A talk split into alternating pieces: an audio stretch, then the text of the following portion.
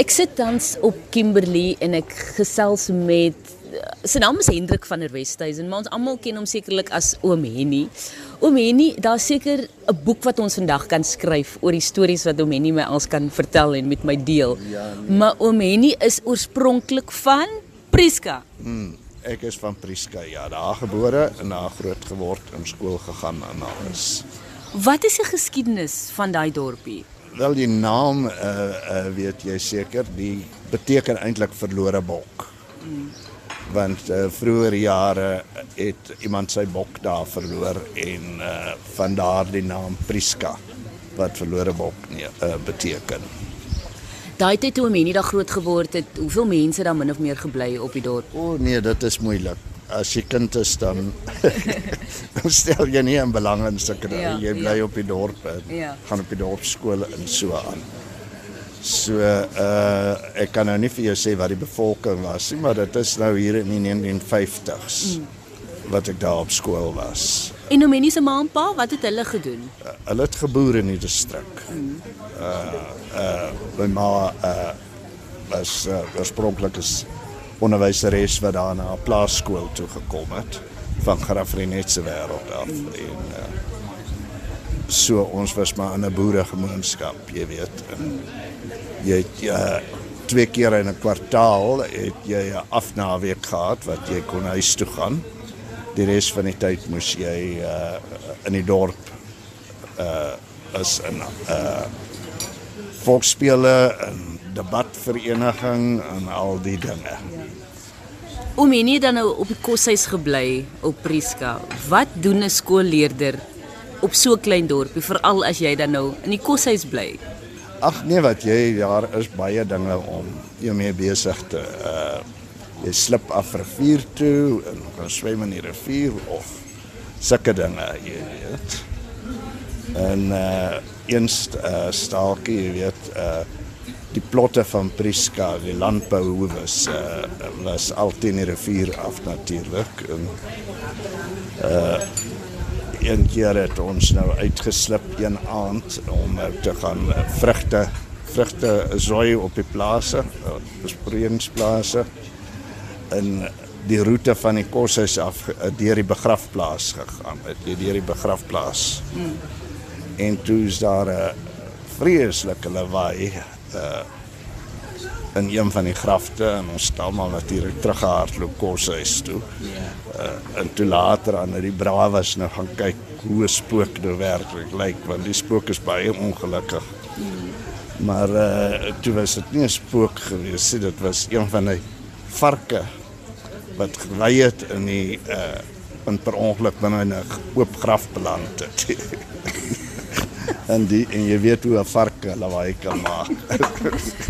Die ander ding oom Henny terwyl ek net daar was, was ek so op 'n koppie en ek het gesien daar's 'n baie ou historiese gebou. Wat is ja. sy storie? Wat is sy geskiedenis? Dit is 'n fort wat uh uit die uh gedurende die Boereoorlog, die Britse oorlog, uh hoe jy dit ook al wil noem, ehm uh, gebou was, maar eintlik nooit as 'n veld, daar was geen veldslag in Prieska nie. Mm. Daar was heelwat soldate daar gestasioneer. En agter die skoolgebou was daar nou 'n uh, 'n uh, 'n opening vir 'n ontsnaproete gewees van die fort af. Uh die tonnel het gegaan tot in die fort, so dit is 'n taamlike distansie. Jy het seker gesien toe jy daar was. Ja, ja, ja. Mens kan sien as jy op by koppie staan, aan die een kant lê die dorp en aan die ander kant is dit regtig waar net oop vlaktes. Is dit nou net als plase en dan sien ek daar's 'n brug ook wat oor die rivier loop.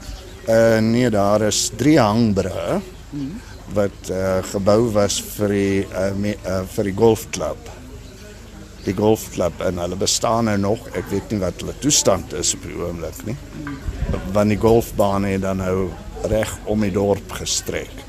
Nee, om die dorp nie in daai gedeelte tot by die rivier. Ja, ja. Die ander ding wat die mense my baie gewaarsku het, is die kudu's op die pad. Ja daardie tyd was daar nie baie kudus nie, maar die kudus het vermeerder deur die jare, maar en daar's natuurlik die uh, besproeiing wat hulle uh, lok nou na die besproeiingsplase toe ook. Hmm. So daar's geweldig baie kudus, so dit is maar 'n bietjie gevaarlik om in die aand of in die nag daar te bestuur of vroeë oggend. Kom jagmense ook? Uh, ja nee, uh, daar is heelwat uh, jagfasiliteite ook. Uh, nou destyds nie. Mense het maar self net springbok geskiet en so aan. En toe verlaat oom Henny Priska. En toe waar toe toe? Uh, wel ehm um, weermag toe. Uh, en uh, later aan Pretoria toe uh, om universiteit toe te gaan. Uh, toe nou natuurlik maar 'n uh, 'n uh, lang tyd uit Priska gewees. Ja. Ek het uh, Priska baie jare gelede verlaat. Um, maar daar is heelwat uh, van die mense wat natuurlik uh, plase geërf het en en op die plase aangebly het. So daar is nog uh jy weet jy kry die van die winters wat nog steeds boer in Priska op die familieplaas. En Tuis, uh, Frank de Tuis waar hy, hy was baie groot grondeienaar gewees. Maar dit was lekker tye gewees, jy weet, ja. jouself geniet. Vertel gou van die dag toe daai brief nou kom om te sê hier moet hom Henny nou weermag toe. Ja, nee, ek het niks geweet eintlik van die weermag nie, het niks gehoor daarvan nie. En toe uh, ek natuurlik klaar 'n uh, eksamen geskryf het uh, voor ons nog die matriek uitslae gehad het. Uh toe kry uh, ek 'n brief laat ek moet aanmeld in uh, in Bloemfontein vir uh, op die 2 Januarie. Uh, 19 toe, uh of dit was seker 1960 gewees mm. of so. Net na ek skool verlaat het. Uh En toe is ek maar weermag toe in 9 maande in die weermag. Maar uh, uh dit was so 'n verrassing geweest want niemand het eintlik iets geweet van die weermag nie. Ja. Jy weet uh totdat twee van ons toe nou opgeroep is na uh na die weermag toe. Uh. Maar ek kan net dink dit is sekerlik die vreemdste ervaring want omdat jy juis niks weet van die weermag nie. Hier moet jy nou huis verlaat, oppak, Bloemfontein toe gaan. Kan hom nie teruggaan na dag 1 toe in Bloemfontein. Uh nee, dit was maar 'n bietjie snaaks, maar jy weet jy het in die koshuis gelukkig was jy in die koshuis gewees. So jy daarom geweet hoe om jou eie bed op te maak en al die ding waar uh, kinders wat nou weer uit uit die huis uit skool gegaan het. Mm. Hulle het nou 'n bietjie moeiliker gevind. Mm. Maar jy was mos net maar ja. gewoond aan. Ja. Maar toe mense nou dag 1 daar aankom in Bloemfontein, wat wat het eers gebeur? Wat wat was julle eerste opdrag byvoorbeeld? Ag, jy weet jy aantree maar aan uh uh vertel wat jy kan doen en wat jy nie kan doen nie ja. en so en uh daai tyd was dit ook nog uh jy weet as jy maar wou uh, gegaan het uh iewers heen uh jy het nie elke naweek afgekry nie, maar as jy nou 'n naweek af het, dan jy nou maar uh, uh duim geslaan iewers heen. Uh jy weet, uh, net om uit te kom 'n bietjie. Ja, ja. Maar uh uh wat jy weer weer mag bes heel aangenaam gewees. OK, OK. En na Bloemfontein? Uh to Pretoria toe. Uh buitemuur studeer by eh, Pretoria Universiteit en, en toe nou verder is dit nou maar jou werks uh, werksloopbaan. Dit uh, nou maar interessant was. Ja. Maar uh, daar 30 jaar in Johannesburg gewerk vir 'n Franse maatskappy. En uh, toe later aan Afkaap toe getrek. En hoe beland oom Henny dan nou van Priska, Bloemfontein, Pretoria, Johannesburg, Kaapstad weer op Kimberley? nee, dit is nou maar 'n lang storie. Eers uh, agter 'n plaas gekyk vir 'n uh, susterskind. En uh, toe nou uh, uh, Frank uh, die gastehuis toe nou toe die gastehuis begin het.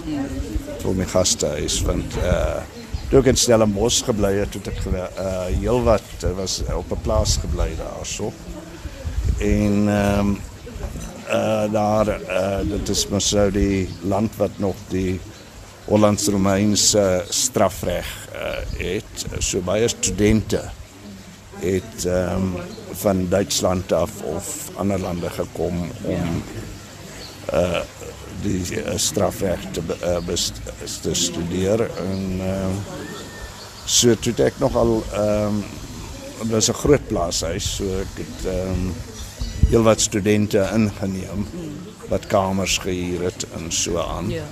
En uh, die lewe heel interessant gemaak. Vandaar wat ek nou by 'n gastehuis weer beland het. En ek gaan nou 'n bietjie onregverdig wees om Henny en vra van al die plekke waar Henny nou al gebly het. Watter dorp is die lekkerste? Watter een is die gunsteling? uh dit is maar Stellenbosch gewees. Hoekom? Uh, dit is net jy's daar in die berge en uh jy weet jy dit is nie soos Johannesburg of toe plekke wat jy moet ver uitry om om die buitelewe uh, te geniet nie. Dit is dis daar. Dis Ja. jy gaan uit by jou agterdeur en en jy's in die berge en bergriviere en al al die dinge. So dit is 'n die Kaap is maar net 'n lekker plek.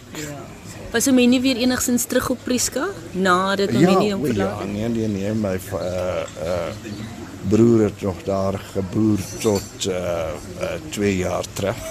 'n Jaar terug so uh ek het baie plaas toe gegaan. Ja, dit is dit was maar die vakansie en my oorlede ma het ook vir 'n lang tyd daar met pa se dood uh alleen geboer daar. So jy het my elke vakansie het jy maar uh plaas toe gegaan.